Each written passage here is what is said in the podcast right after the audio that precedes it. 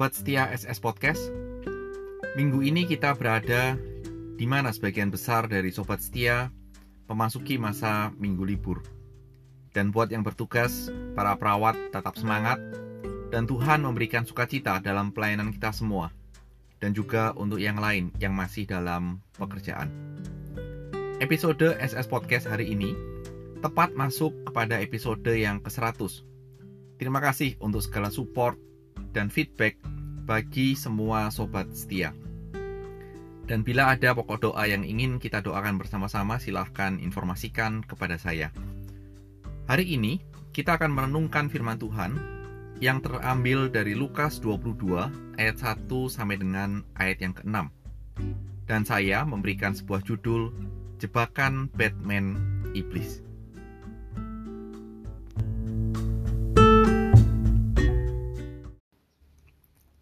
Lukas 22 ayat 1 sampai 6. Hari raya roti tidak beragi yang disebut Paskah sudah dekat Imam-imam kepala dan ahli-ahli Taurat mencari jalan bagaimana mereka dapat membunuh Yesus, sebab mereka takut pada banyak orang. Maka masuklah iblis ke dalam Yudas, yang bernama Iskariot, seorang dari kedua belas murid itu. Lalu pergilah Yudas kepada imam-imam kepala dan kepada kepala-kepala pengawal bait Allah dan berunding dengan mereka. Bagaimana ia dapat menyerahkan Yesus kepada mereka. Mereka sangat gembira dan bermufakat untuk memberikan sejumlah uang kepadanya. Ia menyetujuinya, dan mulai dari waktu itu ia mencari kesempatan yang baik untuk menyerahkan Yesus kepada mereka tanpa setahu orang banyak.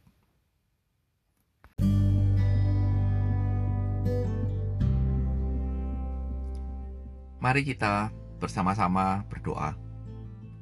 Tuhan Yesus yang penuh rahmat, Biarlah sekali lagi firman-Mu memberikan suatu pencerahan dalam hidup kami dan menjadi jawaban bagi setiap kami yang sedang bergumul dalam kehidupan ini.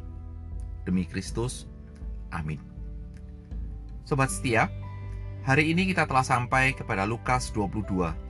Dan dalam dua pasal berikutnya, kita akan menyelesaikan perenungan Lukas yang sudah kita renungkan sejak di tahun lalu. Dalam perikop yang kita baca hari ini, Lukas memaparkan bahwa momen Paskah hadir menjadi latar belakang bagi Kristus menjalani kehidupan dalam melaksanakan kehendak dari Allah Bapa. Dan dalam bagian ini, Lukas juga paling tidak mengangkat suatu problema yang dihadapi oleh manusia berdosa. Apa problemanya? Kita perhatikan. Problema ini bisa menjadi suatu peringatan dan perenungan bagi kita semua. Coba perhatikan. Ayat-ayat awal dalam nats kita menjelaskan bahwa imam-imam kepala dan ahli Taurat tetap konsisten dalam upaya untuk menangkap Tuhan Yesus. Dan kemudian mereka ingin membunuhnya. Jadi dimulai dengan menangkap dan kemudian mereka mau membunuh. Kalau kita bertanya, apa sebabnya? Kita bisa menemukan begitu banyak alasan dari mereka semua di pasal-pasal yang sudah kita bahas sejak Lukas pasal yang pertama. Namun nats ini bisa dikatakan kita bisa melihat bahwa fokusnya bukan hanya di ayat yang kedua atau dua ayat pertama. Tetapi ayat-ayat selanjutnya menjadi sebuah fokus yang bisa kita temukan di mana ada karakter iblis dan Yudas yang muncul yang kemudian memainkan peran yang penting dalam cerita ini. Dan peran itu adalah suatu peran yang dikehendaki oleh imam-imam kepala dan ahli Taurat serta dicatat ada kepala-kepala bait Allah supaya niat mereka itu terlaksana. Sobat setia, dua karakter yang muncul adalah iblis dan Yudas. Iblis kemudian memasuki Yudas.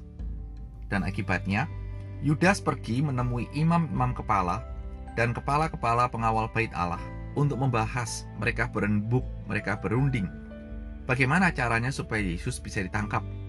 Mereka akhirnya memiliki sebuah kesepakatan untuk juga memberikan upah kepada usaha Yudas yang mengatur strategi supaya Yesus bisa ditangkap. Serta akan mencari waktu yang tepat kapan Tuhan Yesus bisa ditangkap. Dan satu lagi, pesan penting daripada imam-imam kepala adalah carilah tempat yang sepi. Karena di ayat 2, kita bisa mengetahui mereka takut kepada orang banyak yang sering kali hadir ketika Tuhan Yesus sedang mengajar. Dan tidak mungkin di tengah kerumunan yang banyak orang, mereka menangkap Tuhan Yesus. Inilah kesepakatannya. Inilah persetujuannya. Dan persetujuan mereka menghasilkan suatu kegembiraan. Itu tercatat dengan jelas dalam bagian ini. Yudas mendapat uang dan imam-imam kepala akan bisa mendapatkan Tuhan Yesus yang telah ditangkap. Enam ayat ini kira-kira menceritakan tentang hal itu. Dan mungkin sampai di sini kita kita mulai bertanya, apa yang bisa menjadi sebuah perenungan bagi hidupku sebagai anak Tuhan saat ini? Sobat setia dikasih Tuhan, mari kita refleksikan, aplikasikan firman Tuhan ini dalam hidup kita. Dalam kehidupan kita mengikut Tuhan, kita dapat menggambarkan bahwa kehidupan kita adalah seperti tidak seperti mobil yang berjalan di jalan tol Trans Jawa atau Trans Sumatera. Yang dapat dikatakan pokoknya lurus, bebas hambatan. Kecepatan mobil bisa di atas 100 km per jam. Betul-betul lancar. Hidup kita tidak bisa digambarkan seperti itu. Namun hidup kita sering kali dalam latar belakang dan konteks hidup kita masing-masing – menghasilkan perjalanan ada dalam sebuah perjalanan yang seperti labirin. Harus ke kiri, harus ke kanan, di sana mentok, di sini mentok, buntu, dan sebagainya. Dan sering kali, perjalanan hidup seperti itu menjadi sebuah beban yang berat. Dan kita mulai memikirkan, kok bebanku terasa berat ya? Bebanku nggak habis-habis. Dan kapan aku ini senangnya? Kok isinya hidup, nangis, sedih, kecewa, dan seterusnya. Sobat setia, dalam perjalanan hidup Tuhan Yesus dengan murid-muridnya, juga tercatat Yudas belum pernah dicatat bergembira di dalam ayat-ayat yang telah saya teliti dan saya baca. Yang ada adalah Yudas pernah mempermasalahkan mengenai minyak yang super mahal yang dipergunakan oleh seorang wanita untuk mengurapi Tuhan Yesus. Mahal banget untuk Tuhan. Sebuah konsep ekonomi yang muncul di situ. Tapi di sinilah Yudas tercatat bergembira dengan para sekutunya. Tapi apakah itu gembira yang sejati? Bukan. Kegembiraan yang mereka rasakan itu ditunggangi oleh iblis yang adalah pendusta dan bapa segala dusta. Yohanes 8 ayat yang keempat. Bahasa saya adalah mereka kena prank dari iblis, kena jebakan Batman dari iblis. Kenapa? Karena kegembiraan mereka yang mereka rasakan hanya berlangsung sesaat. Di cerita berikutnya nanti kita akan menemukan bahwa kegembiraan Yudas berakhir dengan sebuah penyesalan dan uangnya pun dibuang. Dan dengan cara yang mirip sama dengan dengan iblis menunggangi Yudas. Iblis sering kali menggoda anak-anak Tuhan yang tengah bergumul berat dengan masalah apa pun entah itu kesehatan, entah itu keuangan, entah itu keluarga, kuliah, pekerjaan, relasi, pacaran, pasangan hidup, dan lain sebagainya. Dan untuk bisa menikmati kesenangan, kenyamanan, kegembiraan, kekuasaan, dan lain-lain, sering kali iblis membujuk kita dengan tidak apa-apa sesekali melawan perintah Tuhan. Daripada kamu sakit, daripada keuanganmu setengah mati, daripada begini, daripada begini, Sobat setia, sering kali iblis menggoda dan memaparkan itu. Plus, sebuah alibi.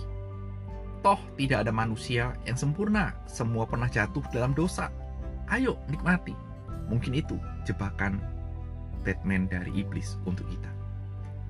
Sobat setia, bila iblis menggoda kita, ingatlah ada jalan yang disangka lurus. Bahasa saya adalah jalan yang betul-betul enak tanpa rintangan, tetapi ujungnya menuju maut. Itulah Amsal 16:25. Tawaran iblis seakan-akan lurus dan menyelesaikan masalah-masalah kita. Tapi ingat bahwa ujung dari segala tawaran dan godaan itu adalah maut. Kita adalah anak Tuhan yang seharusnya hidup berjalan berdampingan dengan Kristus dan memilih jalan yang sesuai dengan kebenaran firman Tuhan Ingat, Tuhan pernah mengajarkan, pikulah salib. Karena Tuhan mengajarkan itu dan yakinlah bahwa Tuhan menyertai kita. Sobat setia, selamat menjalani kehidupan dalam jalan Tuhan di tengah-tengah seringnya godaan iblis yang sering kali menghampiri hidup ini. Tuhan menguatkanmu dan Tuhan memberkati kita semuanya. Amin.